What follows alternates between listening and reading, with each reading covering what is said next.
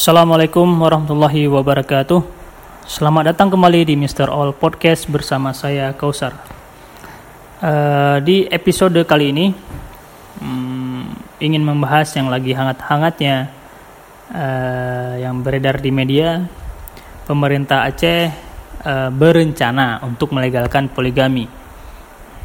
Hmm, pun pembahasannya tentang poligami ini agak agak ragu untuk dipostingkan atau di share di sosial media karena pasti nanti teman akan akan berkomentar ente enak ngomong poligami udah nikah udah punya anak satu.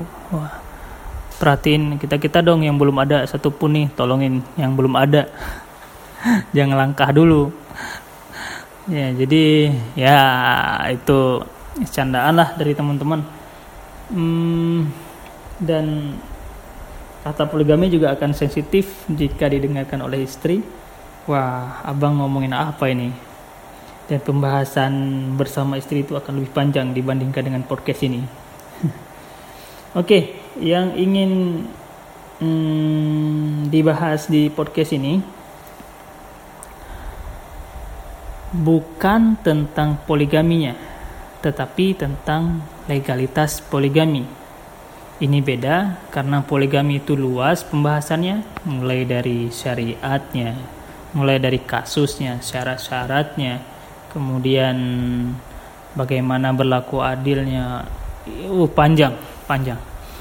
Sementara legalitas poligami, melegalkan poligami, ini terkait pemerintah hadir dalam mengayomi dalam mengurus ya dalam mengatur uh, proses uh, keadaan masyarakat yang berpoligami.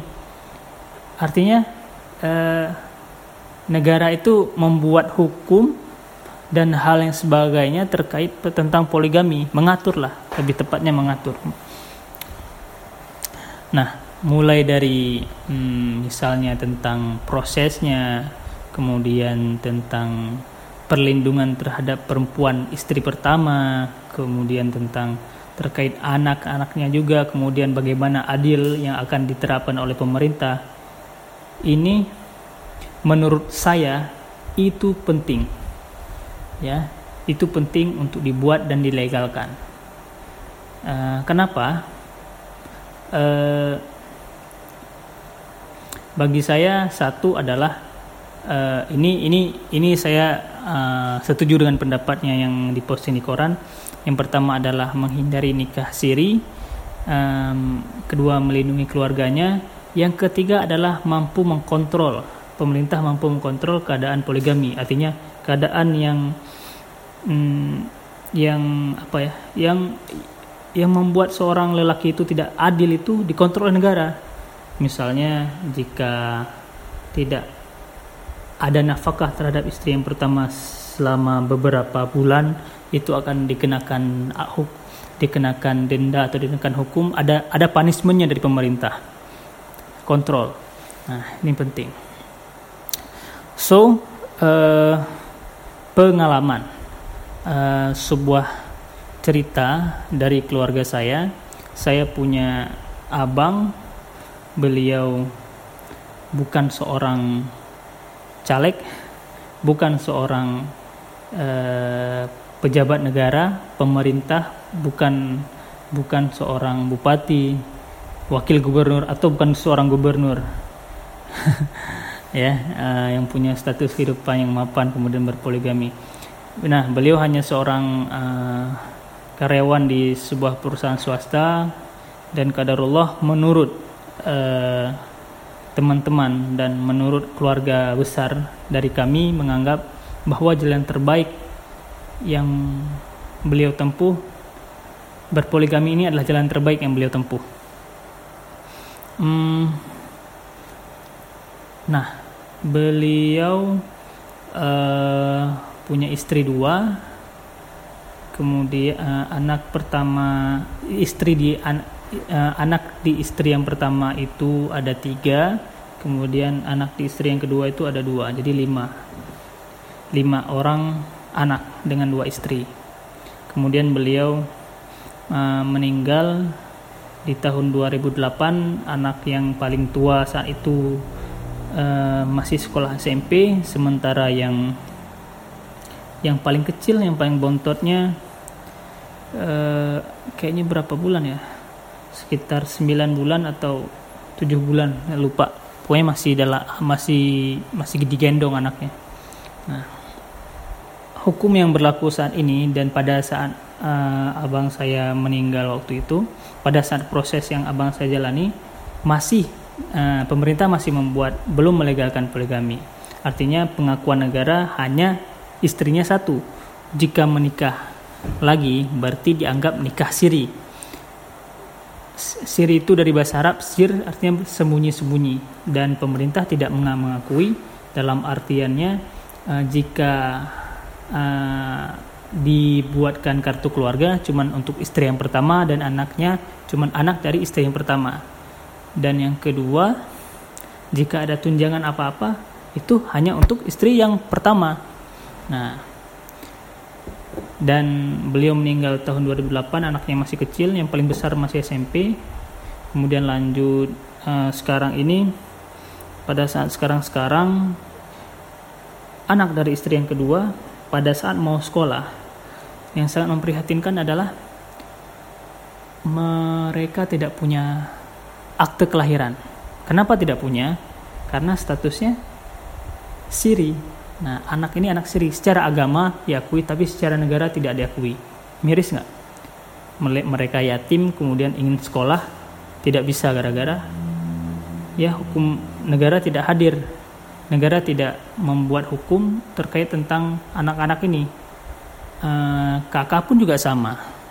Dan akhirnya istri kedua ini membuat uh, cara mencari cara dari teman-temannya mencari pintu samping untuk bisa punya anak-anaknya punya akte kelahiran. Alhamdulillah punya. Uh, tapi itu kan tidak semua orang bisa mengakses jalan pintu samping.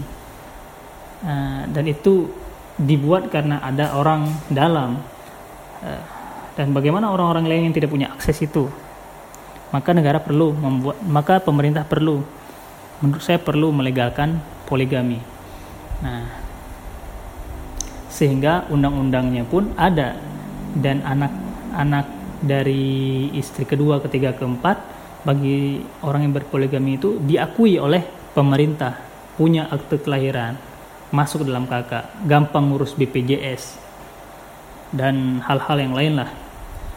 Uh, terus bagaimana jika jika seorang suami lelaki itu kemudian tidak adil terhadap istri-istri yang lain? Kan pemerintah bisa membuat jika sudah melegalkan poligami, pemerintah kan bisa mengontrolnya. Pemerintah ada undang-undangnya, ada hukumannya jika seseorang itu tidak adil menurut pemerintah sehingga uh, apa ya pemerintah punya intervensi terhadap laki ini yang tidak adil terhadap istri-istrinya. Nah, bisa kan dengan dengan dengan dengan melegalkan ini lebih mudah mengontrolnya. Dengan ada undang-undangnya lebih mudah untuk punya wewenang lebih untuk bisa mengendalikan uh, laki yang tidak perlu buat, berbuat adil. Itu menurut saya sih. Ini khusus bagi laki-laki. Ada sebuah tanggung jawab besar. Satu keluarga aja satu satu istri aja itu sudah men, sudah besar tanggung jawabnya. Apalagi 2 3 sampai 4 mengendalikan artinya apa ya bersabar atas atas satu istri 2 3 4 tuh hal yang luar biasa. Wah susah sebenarnya. Dan keadaan poligami pun yang terjadi saat ini menurut pemerintah hmm, mayoritas terjadi bagi kalangan bagi kalangan pejabat. Naik pangkat naik pelamin lagi. Tapi mudah-mudahan semoga uh, semoga uh, dengan uh, kita mengikuti undang-undang Allah Subhanahu wa taala maka Allah akan memberkahi kehidupan kita semua inilah peraturan dari Allah Subhanahu wa taala dan menjamin dan uh, dan berdasarkan agama dengan poligami pun itu adalah salah satu cara untuk melindungi para perempuan. Hmm, Oke, okay. Itu kenapa melegalkan poligami itu penting? Yang alasan pertama adalah ini untuk melindungi uh, istri kedua, ketiga, keempat uh, dan negara mengakui anak-anak dari dari anak dari istri yang kedua, ketiga, keempat. Kemudian uh, ini mengatasi dari nikah siri. Kemudian uh, juga pemerintah bisa dengan mudah mengkontrol melalui undang-undangnya terhadap perlakuan yang tidak adil bagi seorang suami nantinya jika melakukan poligami. Itu kenapa pentingnya. Oke, okay, uh, ini hanya sebuah opini, bisa jadi salah, bisa jadi Anda para pendengar tidak setuju dengannya, ya saya hanya bertukar pikiran aja.